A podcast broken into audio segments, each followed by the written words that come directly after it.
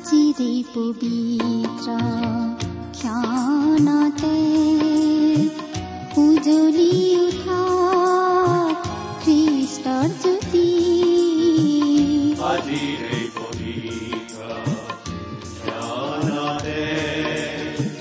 উজ্বলি উঠা খ্ৰীষ্টৰ জ্যোতি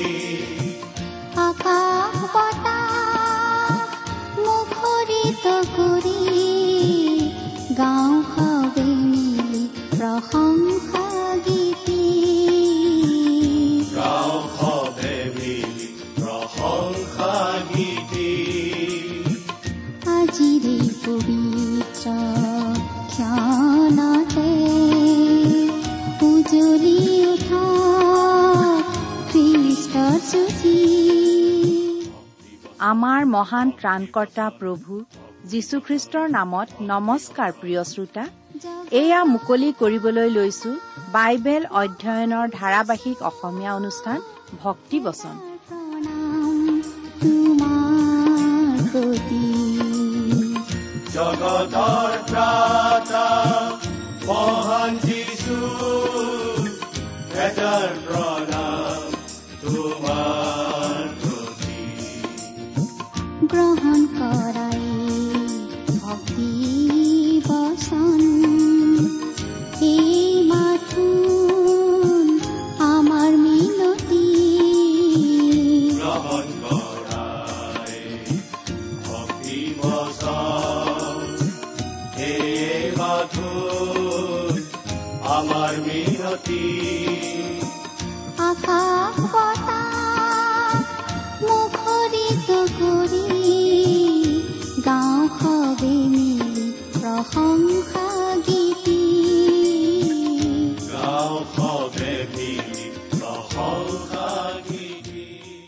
আমাৰ মহান ত্ৰাণকৰ্তা প্ৰভু যীশুখ্ৰীষ্টৰ নামত নমস্কাৰ প্ৰিয় শ্ৰোতা। আশা কৰো আপুনি আমাৰ মহান পিতা পৰমেশ্বৰৰ মহান অনুগ্ৰহত ভালে কুশলে আছে। লগতে এই বুলিও আশা কৰিছো যে আপুনি আমাৰ এই ভক্তিবচন অনুষ্ঠানটো নিয়মিতভাৱে শুনি আছে। আমাৰ বহুতো শ্ৰোতাই আমালৈ চিঠি পত্ৰ লিখি থাকে আৰু তেওঁলোকে এই অনুষ্ঠানটো শুনি ভাল পোৱা বুলি এই অনুষ্ঠানটো শুনি উপকৃত হোৱা বুলিও আমাক জনায় আৰু তেনেকুৱা চিঠিবোৰ পাই আমি আমাৰ কাম কৰি যোৱাত যথেষ্ট উৎসাহ পাওঁ। আপোনাৰ বাৰু আমাক জনাবলগীয়া কিবা আছেনে? নাইবা খ্ৰীষ্টীয় বিশ্বাস সম্বন্ধে সুধিবলগীয়া কিবা আছেনে? কোনো সংকোচ নকৰাকৈ আমালৈ আজিয়ে দুখাৰিমান লিখি পঠিয়াওকচোন। আমাৰ ঠিকনা ভক্তিবচন টি ডব্লিউ আৰ ইণ্ডিয়া ডাক বাকচ নম্বৰ সাত শূন্য গুৱাহাটী সাত আঠ এক শূন্য শূন্য এক। Bhaktibachan T W R India post box number seventy Guwahati seven eight one zero' zero' one আমাৰ website W W W dot radio' eight eight two dot com প্ৰিয় শ্ৰোতা যদিহে আপুনি আমাৰ এই ভক্তিবচন অনুষ্ঠানটো নিয়মিতভাৱে শুনি আছে তেতিয়াহ'লে আপুনি নিশ্চয় জানে যে আমি এতিয়া বাইবেলৰ পুৰণি নিয়ম খণ্ডৰ জুৱেল ভাৱবাদীৰ পুস্তক নামৰ পুস্তকখন অধ্যয়ন কৰি আছো। নহয় জানো? আপুনি যদিহে যোৱা অনুষ্ঠানটো শুনিছিল তেতিয়াহ'লে আপোনাৰ এই কথাও নিশ্চয় মনত আছে যে আমি যোৱা অনুষ্ঠানত এই জুৱেল পুস্তকখনৰ এক নম্বৰ অধ্যায়ৰ তেৰ নম্বৰ পদলৈকে পঢ়ি আমাৰ আলোচনা আগবঢ়াইছিলো। নহয় জানো? গতিকে আজিৰ অনুষ্ঠানত আমি এই জুৱেল পুস্তকখনৰ এক নম্বৰ অধ্যায়ৰ চৈধ্য নম্বৰ পদৰ পৰা আমাৰ আলোচনা আগবঢ়াই নিব খুজিছো। এই জুৱেল পুস্তকখন হৈছে এখন ভাৱবাণীমূলক পুস্তক। ভৱিষ্যতে পৃথিৱীলৈ আহিবলগীয়া বিশেষ সময় অৰ্থাৎ জিহুৱাৰ দিন বা প্ৰভুৰ দিনৰ বিষয়ে আমি ইয়াত বিশেষভাৱে পঢ়িবলৈ পাওঁ। আৰু প্ৰতিজন খ্ৰীষ্টীয় বিশ্বাসীৰ বাবে ইয়াত শিকিবলগীয়া অনেক কথা আছে। কিন্তু আহকচোন আজিৰ বাইবেল অধ্যয়ন আৰম্ভ কৰাৰ আগতে আমি খন্তেক প্ৰাৰ্থনাত মূৰ দুৱাওঁ। আমি প্ৰাৰ্থনা কৰো আমাৰ স্বৰ্গত থকা মৰমীয়াল পিতৃশ্বৰ তোমাক ধন্যবাদ জনাওঁ কাৰণ তোমাৰ মহান বাক্য বাইবেল শাস্ত্ৰ অধ্যয়ন কৰিবলৈ তুমি আমাক আকৌ এটা সুযোগ দান কৰিছা। তোমাক আমি শতকোটিবাৰ ধন্যবাদ জনাইছো কাৰণ তুমি তোমাৰ একেজাত পুত্ৰ যীশুখ্ৰীষ্টৰ জৰিয়তে আমালৈ অনন্ত জীৱনৰ আশীৰ্বাদ বিনামূল্যে আগবঢ়াইছা। এতিয়া আহা পিতা তোমাৰ বাক্য তুমিয়েই আমাক বুজাই দিয়া। আমাৰ মৰামৰ শ্ৰোতাসকলক উপচি পৰাকৈ তুমি আশীৰ্বাদ কৰা। তেওঁলোকৰ সকলো প্ৰয়োজনৰ কথা তুমিহে ভালদৰে জানা আৰু সেই সকলো তুমিয়েই পূৰণ কৰা। কিয়নো এই প্ৰাৰ্থনা আমাৰ মহান ত্ৰাণকৰ্তা মৃত্যুঞ্জয় প্ৰভু যীশুখ্ৰীষ্টৰ নামত আগবঢ়াইছো।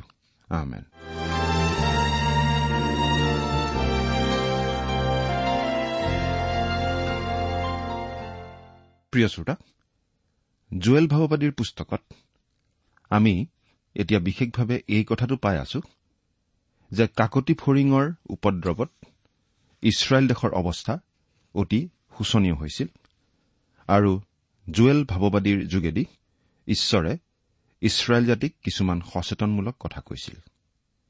এতিয়া আমি বাইবেলৰ পৰা পাঠ কৰি যাম। আপুনি আপোনাৰ বাইবেলখন মেলি লৈছেনে বাৰু? যদিহে আপোনাৰ লগত বাইবেল নাই তেতিয়াহ'লে আমি পাঠ কৰি দিম অনুগ্ৰহ কৰি মন দি শুনিব। পাঠ কৰি দিছো জুৱেল এক নম্বৰ অধ্যায়ৰ চৈধ্য নম্বৰ পদ। ইয়াত এনেদৰে লিখা আছে তোমালোকে পবিত্ৰ উপবাস নিৰূপণ কৰা সমাজ গোট খাবলৈ ঘোষণা কৰা। তোমালোকৰ ঈশ্বৰ জিহুৱাৰ গৃহত বৃদ্ধবিলাক আদি কৰি দেশ নিবাসী আটাই লোকক গোট খুওৱাই জিহুৱাৰ আগত কাটৰোক্তি কৰা ইতিমধ্যে আমি পাইছিলো যে ইছৰাইলৰ লোকসকলক কিছুমান কামৰ বাবে আহান কৰা হৈছে আৰু ইয়াত আমি দেখিছো তেওঁলোকক সাত নম্বৰ কাম হিচাপে তেওঁলোকক কোৱা হৈছে পবিত্ৰ উপবাস নিৰূপণ কৰা। ঈশ্বৰে ইছৰাইল জাতিক আগতে কেতিয়াও এই কাম কৰিবলৈ কোৱা নাছিল। ঈশ্বৰে তেওঁলোকক উপবাস কৰিবলৈ কোৱা নাছিল। ঈশ্বৰে তেওঁলোকক পৰ্বৰ দিনহে দিছিল ভোজৰ দিন। কিন্তু উপবাসৰ দিন ধাৰ্য কৰি দিয়া নাছিল। কিন্তু তেওঁলোক পাপত নিমজ্জিত হোৱাৰ বাবে এনেকুৱা উপবাসৰ কথা এতিয়া তেওঁলোকক কৈছে। জাতিটোক ধ্বংস কৰা এটা পাপৰ কথা জুৱেলে উল্লেখ কৰিছে। আৰু সেইটো হৈছে সুৰাপান কৰি মতলীয়া হোৱা। ইয়াৰ ফলতেই মানুহবিলাকৰ স্বাভাৱিক ভাৱ চিন্তা নোহোৱা হৈছিল আৰু তেওঁলোকে উচিত সিদ্ধান্ত ল'ব নোৱাৰা হৈছিল।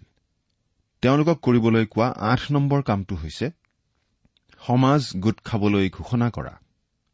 অৰ্থাৎ তেওঁলোক একেলগ হৈ গোট খাব লাগিব আৰু তেওঁলোকে গোট খাই সমাজ হিচাপে ঈশ্বৰৰ নামত উল্লাস কৰাটো ঈশ্বৰে বিচাৰিছিল। কিন্তু এতিয়া তেওঁলোকক গোট খাবলৈ কৈছে গহীনভাৱে। উল্লাস কৰিবলৈ নহয়। কাৰণ এতিয়া তেওঁলোকৰ মাজত পাপৰ সমস্যাটো দেখা দিছে। তেওঁলোকক কৰিবলৈ কোৱা ন নম্বৰ কামটো আমি দেখা পাওঁ। তোমালোকৰ ঈশ্বৰ জিহুৱাৰ গৃহত বৃদ্ধবিলাক আদি কৰি দেশ নিবাসী আটাই লোকক গোট খুওৱা। অৰ্থাৎ সেয়া আছিল ঈশ্বৰৰ গৃহত গোট খুওৱাৰ সময়। দ্বিতীয় মহাসমৰৰ সময়ত দুজন বন্ধু আছিল। তেওঁলোক সকলো ধৰণৰ ক্লাবৰেই সভ্য আছিল যেনে সুৰাপানৰ ক্লাব জোৱা খেলৰ ক্লাব ইত্যাদি ইত্যাদি। এদিনাখন দেওবাৰে দুয়ো দুয়োকো এটা গীৰ্জাঘৰত লগ পালে। তেতিয়া এজনে আনজনক অলপ আচৰিত হৈ কলে আপুনি গীৰ্জালৈ আহে বুলি মই ভবাই নাছিলো। তেতিয়া আনজনে উত্তৰ দিলে আচলতে মই গীৰ্জালৈ নাহো আজি প্ৰথমবাৰৰ কাৰণে আহিছো। মোৰ ল'ৰাটোৱে বিদেশৰ মাটিত যুদ্ধ কৰিবলৈ গৈছে। গতিকে মই ভাবিলো যে মই গীৰ্জালৈ যোৱা উচিত। এৰা প্ৰিয় শ্ৰোতা বিপদ আৰু সমস্যাৰ সময়ত মানুহে ঈশ্বৰৰ ওচৰ চাপে। ইছৰাইলৰ লোকসকলকো উপবাসৰ বাবে জিহুৱাৰ গৃহত গোট খাবলৈ কোৱা হৈছিল। তেওঁলোকক কৰিবলৈ কোৱা দহ নম্বৰ কামটো কি? জিহুৱাৰ আগত কাটৰোক্তি কৰা। কাটৰোক্তি কৰিবলৈ কোৱা হৈছে। কিয়? কাৰণ ঈশ্বৰ জিহুৱা হৈছে কৰুণাময়। ঈশ্বৰ অনুগ্ৰহশীল। ঈশ্বৰে ক্ষমা কৰিব বিচাৰে। এৰা আমাৰ ঈশ্বৰ অপূৰ্ব অভিনৱ ঈশ্বৰ। এই বিপদৰ সময়ত তেওঁলোক ঈশ্বৰৰ ওচৰলৈ অহা উচিত। ঈশ্বৰে তেওঁলোকৰ প্ৰাৰ্থনা শুনিব আৰু উত্তৰ দিব। জুৱেলে লোকসকলক সাৱধানবাণী শুনাইছে আৰু এই পৰামৰ্শবিলাক দিছে। ঈশ্বৰৰ পৰা আশীৰ্বাদ পাবলৈ হলে তেওঁলোকে এইখিনি কৰিবই লাগিব। তাৰ পাছত জুৱেলে সেই স্থানীয় পৰিস্থিতিৰ পৰা সেই কাকতি ফৰিঙৰ উপদ্ৰৱৰ পৰা যুগৰ শেষলৈ আহিবলগীয়া প্ৰভুৰ দিনলৈ চাই পঠিয়াইছে। পোন্ধৰ নম্বৰ পদ হাই হাই এইয়ে কেনে দিন? কিয়নো জিহুৱাৰ দিন ওচৰ সৰ্বশক্তিমান জনাৰ পৰা যেন প্ৰলয়হে উপস্থিত। হাই হাই এইয়ে কেনে দিন জুৱেলে কি দিনৰ কথা কৈছে? কিয়নো জিহুৱাৰ দিন ওচৰ। সৰ্বশক্তিমান জনাৰ পৰা যেন প্ৰলয়হে উপস্থিত। সেই সময়ত ঘটা সেই স্থানীয় পৰিস্থিতি অৰ্থাৎ সেই কাকতি ফৰিঙৰ উপদ্ৰৱে আচলতে ভৱিষ্যতে আহিবলগীয়া প্ৰভুৰ দিনৰ আগজাননী দিছিল। এইবোৰে মানুহবিলাকক সাৱধান কৰি দিয়া উচিত আছিল। এতিয়া জুৱেলে তেওঁলোকক ভৱিষ্যতৰ বিষয়ে কিবা কিবি। ক'ব ভৱিষ্যতে যি আহিব যিহৰ কথা ডায়ুদৰ আগত প্ৰতিজ্ঞা কৰা হৈছিল সেইটো হৈছে এখন ৰাজ্য। সেই ৰাজ্যত ৰাজত্ব কৰিবলৈ ডায়ুদ পুনৰুত্থিত হ'ব। যুদ্ধ শেষ হ'ব জগতত শান্তি হ'ব। সকলো ভাৱবাদীয়ে সেই বিষয়ে জনাই গৈছে। কিন্তু তেওঁলোকে জুৱেলে ইয়াত কোৱা প্ৰভুৰ দিনৰ কথাও কৈছিল। বাইবেলত উল্লেখ কৰা আন আন দিনৰ তুলনাত প্ৰভুৰ দিনৰ কথাটো আমি বেলেগ ধৰণে বুজিব লাগিব। আচলতে আমি আজি মানুহৰ দিনত বাস কৰি আছো। আৰু এই দিনৰ আৰম্ভণি হৈছিল নবুখতনেশ্বৰ ৰজাৰ দিনৰ পৰা আৰু প্ৰভু যীশুৱে ইয়াক পৰজাতিবিলাকৰ দিন বুলি কৈছে। লোকে লিখা শুভবাৰ্তা একৈশ নম্বৰ অধ্যায়ৰ চৌব্বিছ নম্বৰ পদত আমি এনেদৰে পঢ়িবলৈ পাওঁ তেওঁবিলাক তৰোৱালৰ ধাৰত পৰিব আৰু সকলো দেশলৈ বন্দী কৰি নিয়া হ'ব আৰু পৰজাতি মানুহৰ কাল সম্পূৰ্ণ নহয় মানলৈকে জিৰচালেমক পৰজাতি মানুহৰ ভৰিৰে গছকা হ'ব। অৰ্থাৎ প্ৰভু যীশুৱে বৰ্তমানৰ যিটো কাল চলি আছে এই কালটোক পৰজাতি মানুহৰ কাল বুলি কৈছে। আজি আমি এই পৰজাতি মানুহৰ দিনত বাস কৰি আছো। এই কাল এতিয়াও চলি আছে। আজি মানুহৰ কাল চলি আছে। কাৰণ গোটেই পৃথিৱীখন আজি মানুহেই শাসন কৰি আছে। আজি বিচাৰ কৰে মানুহে। আমি ন্যায় বিচাৰ বিচাৰি মানুহৰ আদালতলৈহে যাওঁ। ঈশ্বৰৰ আদালতলৈ নাযাওঁ। মানুহে ঈশ্বৰক প্ৰায় পাহৰিয়েই গৈছে। ঈশ্বৰৰ নাম মানুহে যেন কেৱল শপত খাবলৈ আৰু গালি পাৰিবলৈহে ব্যৱহাৰ কৰে। মানুহৰ দিনৰ বিষয়টো বাইবেল অনুবাদ কৰোতাসকলে প্ৰায়ে অৱহেলা কৰা যেন লাগে আৰু নতুন নিয়মত মাত্ৰ এবাৰহে উল্লেখ কৰা হৈছে। প্ৰথম কৰিন্ঠিয়া চাৰি নম্বৰ অধ্যায়ৰ তিনি নম্বৰ পদত আমি এই বুলি পঢ়িবলৈ পাওঁ কিন্তু তোমালোকৰ দ্বাৰাই বা মানসিক বিচাৰ সভাৰ দ্বাৰাই যে মোৰ সুধবিচাৰ হয় ইয়াক মই অতি সৰু বুলি মানো ময়ো নিজৰ সুধবিচাৰ নকৰো। আচলতে ইয়াত মানুহৰ বিচাৰৰ কথা কওঁতে আজিৰ যুগত চলি থকা মানুহৰ মতামত আদিৰ কথা বুজোৱা হৈছে। আৰু ইয়াকেই আমি মানুহৰ দিন বুলি ক'ব পাৰো। এৰা আমি আজি মানুহৰ দিনত বাস কৰি আছো। আজি মানৱতাবাদৰ পয়োভৰ আমি দেখা পাওঁ। মানুহে নিজেই জগতৰ সকলো সমস্যা সমাধান কৰিব পাৰিম বুলি আজি ভাবে। কিন্তু মানুহেনো আচলতে কি কৰিছে? মানুহে জগতখনক অতি শোচনীয় অৱস্থালৈহে লৈ গৈ আছে। প্ৰতিজন সমাজৰ নেতাই ভাবে তেওঁৰ হাততেই সমাজখনৰ সকলো সমস্যাৰ সমাধান আছে। কিন্তু মানুহে তাকে প্ৰকাৰে এই কথা মানি ল'ব লগা হৈছে যে সমস্যাৰ স্থায়ী সমাধান মানুহৰ হাতত নাই কোনো মানুহৰ হাততেই নাই। বাইবেলত আৰু এটা দিনৰ কথা কোৱা হৈছে আৰু সেই দিন হৈছে প্ৰভু যীশুখ্ৰীষ্টৰ দিন যি দিন আহি আছে। প্ৰথম কৰিন্ঠিয়া এক নম্বৰ অধ্যায়ৰ সাত আৰু আঠ নম্বৰ পদ পাঠ কৰি দিওঁ। তোমালোকে কোনো বৰৰ পৰা বঞ্চিত নহৈ আমাৰ প্ৰভু যীশুখ্ৰীষ্ট প্ৰকাশিত হোৱা দিনলৈ বাট চাই আছা আৰু তেওঁ শেষলৈকে তোমালোকক থিৰ কৰি ৰাখিব। তাতে আমাৰ প্ৰভু যীশুখ্ৰীষ্টৰ সেই দিনত তোমালোক নিৰ্দোষী হবা। প্ৰভু যীশুখ্ৰীষ্টৰ সেই দিন আহি আছে। প্ৰভু যীশুখ্ৰীষ্টৰ সেই দিননো কি? এইটো সেই দিন যিদিনত প্ৰভু যীশুৱে এই পৃথিৱীৰ পৰা তেওঁৰ বিশ্বাসীসকলক তেওঁৰ মণ্ডলীক উঠাই নিবলৈ আহিব আৰু মণ্ডলী প্ৰভু যীশুৰ আগত থিয় দিব বিচাৰৰ বাবে।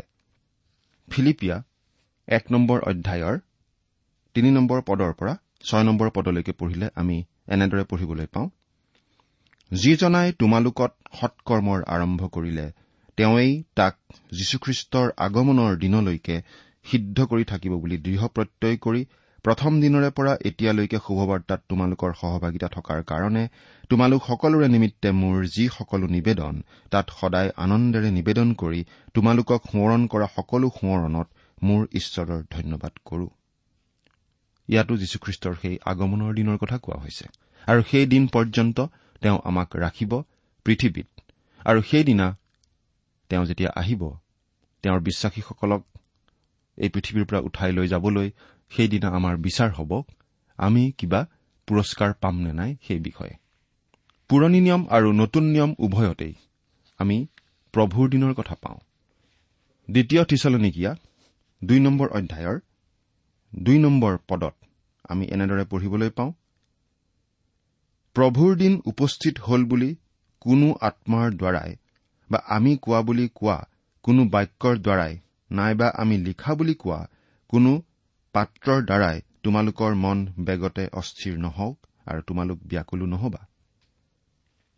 ইয়াতো ভৱিষ্যতে আহিবলগীয়া সেই প্ৰভুৰ দিনৰ কথা কোৱা হৈছে। পাচনি পৌলে খ্ৰীষ্টীয় বিশ্বাসীসকলক এই আশ্বাস দিছে যে তেওঁলোক প্ৰভুৰ দিনৰ সন্মুখীন হ'ব নালাগে। কাৰণ যদিও প্ৰভুৰ দিন আহি আছে কিন্তু সেই প্ৰভুৰ দিন এই পৃথিৱীত অহাৰ আগতেই খ্ৰীষ্টীয় বিশ্বাসীসকলক পৃথিৱীৰ পৰা উঠাই লৈ যোৱা হ'ব প্ৰভু যীশুখ্ৰীষ্টৰ দ্বাৰা। প্ৰভুৰ দিনৰ কথাটো জুৱেল ভাৱবাদীয়ে অতি পৰিষ্কাৰভাৱে আমাক জনাব। তেওঁ আমাক দেখুৱাব যে প্ৰভুৰ দিন হ'ব অতি অন্ধকাৰ ভয়ংকৰ কষ্টৰ দিন। আৰু তাৰ পাছতেই সেই প্ৰভুৰ দিনতেই শেষৰ পিনে প্ৰভু যীশুখ্ৰীষ্টৰ ন্যায় শাসন এই পৃথিৱীত প্ৰতিষ্ঠা হ'ব। ইব্ৰী লোকসকলে ভাবি আছিল তেওঁলোকে লগে লগেই প্ৰভুৰ ৰাজ্যত থাকিবলৈ পাব। কিন্তু জুৱেল ভাৱবাদীয়ে কৈছে যে প্ৰভুৰ দিন ৰাতিৰ অন্ধকাৰেৰে আৰম্ভ হ'ব। সেই অন্ধকাৰ মানে হ'ব মহাক্লেশৰ দিন। তেওঁলোকৰ ওপৰলৈ যে কাকতি ফৰিঙৰ চাৰিটা জাকৰ উপদ্ৰৱ নামি আহিছে তেনেকৈ চাৰিজন অশ্বাৰোহীৰ যোগেদি আহিব মহাক্লেশৰ দিন। তাৰ পাছত সেই প্ৰভুৰ দিনতেই প্ৰভু যীশুৰ আগমন হ'ব। এই পৃথিৱীত তেওঁৰ ন্যায় শাসন প্ৰতিষ্ঠা কৰিবলৈ। তাৰ পাছতহে তেওঁৰ লোকসকলে তেওঁৰ উপস্থিতিৰ পোহৰত প্ৰৱেশ কৰিবলৈ পাব। আৰু সেয়েই আছিল পুৰণি নিয়মৰ আশাৰ বতৰা। পুৰণি নিয়মে তাকেই শিকাইছিল। প্ৰভুৰ দিনৰ কথাটো বুজিবলৈ হলে জুৱেলৰ পুস্তকখনৰ কথা আমি পঢ়ি বুজিব লাগিব কাৰণ কথাখিনি বুজিবলৈ জুৱেলৰ পুস্তকখন চাবিকাঠিৰ নিচিনা। জুৱেল আছিল কথাবোৰ লিখিত ৰূপত জনোৱা প্ৰথমজন ভাৱবাদী। তেওঁৰ পাছৰ ভাৱবাদীসকলে এই প্ৰভুৰ দিনৰ কথা বহুবাৰ উল্লেখ কৰিছে। বাইবেলত মুঠতে পঁয়সত্তৰ বাৰ উল্লেখ আছে এই প্ৰভুৰ দিনৰ কথাটো। প্ৰভুৰ দিন বুলি জুৱেলৰ পুস্তকত পাঁচবাৰ উল্লেখ আছে আৰু সেই দিনত বুলি এবাৰ উল্লেখ আছে। সকলোবোৰ ভাৱবাদীয়েই প্ৰভুৰ দিনৰ কথাটো উল্লেখ কৰিছে আৰু আমি এই কথাটো বুজি পোৱা উচিত। মুঠতে এতিয়া মানুহৰ দিন চলি আছে। দ্বিতীয়তে প্ৰভু যীশুখ্ৰীষ্টৰ দিন আহিব যিদিনা তেওঁ এই পৃথিৱীৰ পৰা খ্ৰীষ্টীয় মণ্ডলীক উঠাই লৈ যাব। আৰু তাৰ পাছত তৃতীয়তে মহাক্লেশেৰে আৰম্ভ হ'ব প্ৰভুৰ দিন। সপ্তাহৰ বেলেগ বেলেগ দিনবোৰ আমি সোমবাৰ মঙলবাৰ আদি বেলেগ বেলেগ নাম দিয়াৰ নিচিনাকৈ ঈশ্বৰেও তেওঁৰ বেলেগ বেলেগ কালবিলাকৰ বেলেগ বেলেগ নাম দিছে। এইবোৰ মানুহে ভাবি উলিওৱা কথা নহয়। এয়া ঈশ্বৰৰ বাক্যই শিকোৱা কথাহে।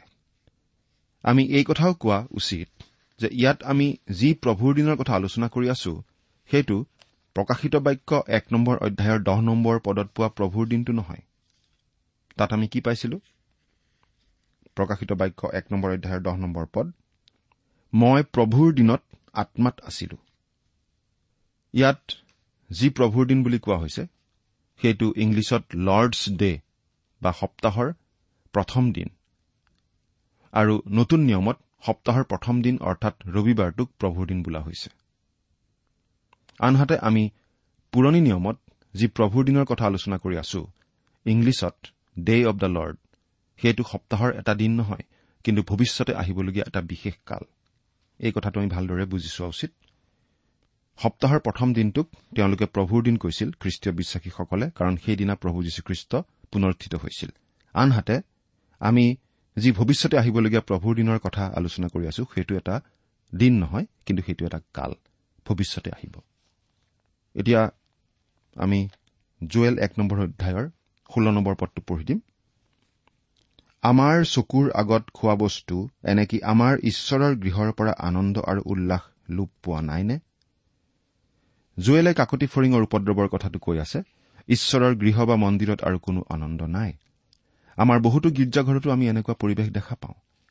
অলপ উৎসাহৰ ভাৱ থাকিলেও আনন্দৰ যেন অভাৱ। ডাঙৰ ডাঙৰ সভা অধিৱেশন আদি পাতিলেও আমাৰ চকুত পৰে মানুহবোৰৰ মাজত উৎসাহ উদ্দীপনা আশাৰ মনোভাৱ আদি ঠিকেই থাকে কিন্তু কিবা যেন এটা অভাৱ আনন্দৰ যেন অভাৱ। সকলো মানুহেই অলপ মন কৰিলেই সেইটো নিশ্চয় অনুভৱ কৰিব পাৰিব। এবাৰ এজন মানুহে এজন বাইবেল শিক্ষকক এই বুলি কৈছিল মই এটা কথা মন কৰিছো।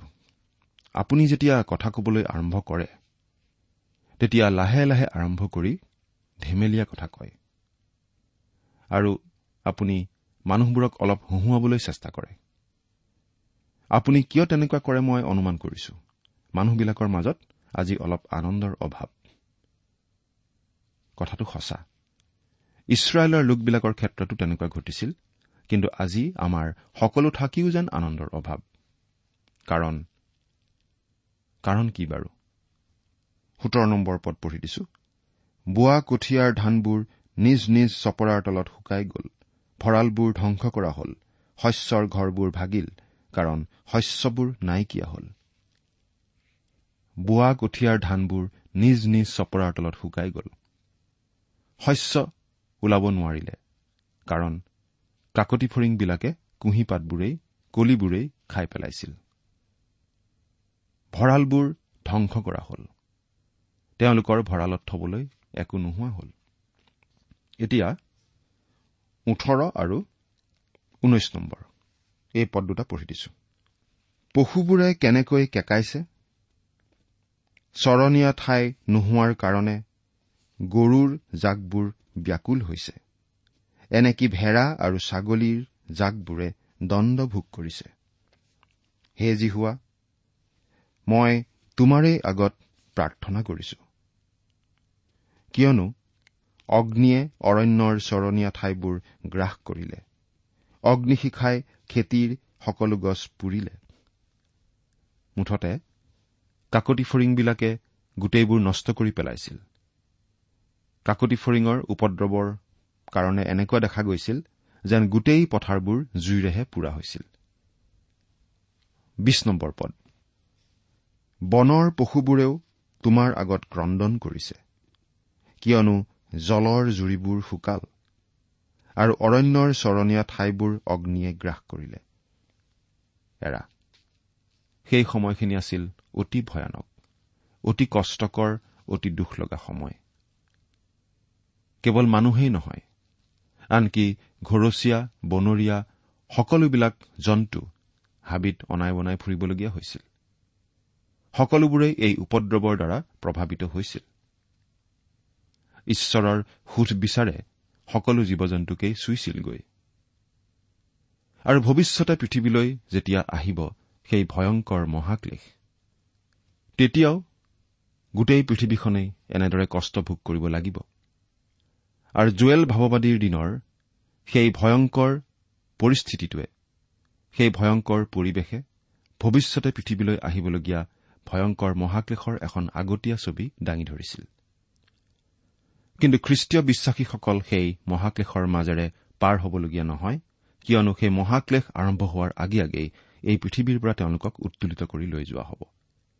প্ৰভু যীশুত বিশ্বাস কৰি আপুনিও সেই মহাক্লেশৰ পৰা ৰক্ষা পৰিব পাৰে। চিন্তা কৰি চাওকচোন ঈশ্বৰে আপোনাক আশীৰ্বাদ কৰক।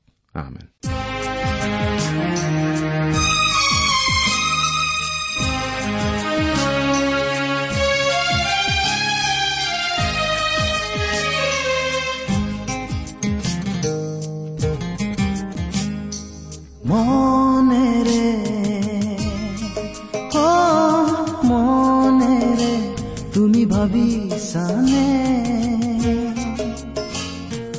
কোনো নাই কুতুমাৰ কতো নাই জগত যিচুৰ বাদে কোনো নাই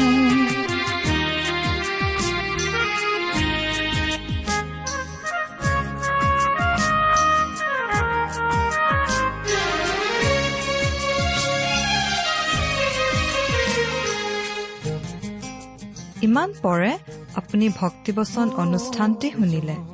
অনুষ্ঠানটি শুনি কেনে পালে? আমালৈ চিঠি লিখি জনাবচোন। অনুষ্ঠানত প্ৰচাৰ কৰা কোনো কথা বুজিব লগা থাকিলেও আমালৈ লিখক। আমাৰ ঠিকনা ভক্তিবচন টি ডাব্লিউ আৰ ইণ্ডিয়া ডাক পাকচ নম্বৰ সাত শূন্য গুৱাহাটী সাত আঠ এক শূন্য শূন্য এক। ঠিকনাটো আৰু এবাৰ কৈছো ভক্তিবচন টি ডাব্লিউ আৰ ইণ্ডিয়া ডাক পাকচ নম্বৰ সাত শূন্য গুৱাহাটী সাত আঠ এক শূন্য শূন্য এক। আপুনি ইমেইল যোগেৰেও আমাৰ সৈতে যোগাযোগ কৰিব পাৰে। আমাৰ ইমেইল আইডিটো হৈছে Assamese T TV at radio' eight eight two dot com. আইডিটো আকৌ এবাৰ কৈছো। Assamese T TV at radio' eight eight two dot com. আপুনি টেলিফোনৰ মাধ্যমেৰেও আমাক যোগাযোগ কৰিব পাৰে। আমাৰ টেলিফোন নম্বৰটো হৈছে শূন্য তিনি ছয় এক দুই ছয় শূন্য চাৰি ছয় সাত এক। ফোন নম্বৰটো আকৌ এবাৰ কৈছো zero' three six one two six zero' four six seven one. আজিৰ অনুষ্ঠানটি ইমানতে সামৰিছো। ঈশ্বৰৰ শান্তি আৰু অনুগ্ৰহ আপোনাৰ লগত থাকক। ধন্যবাদ। কোনো নাই তোমাৰ কতো নাই জগতৰ যিচুৰ বাদে কোনো নাই।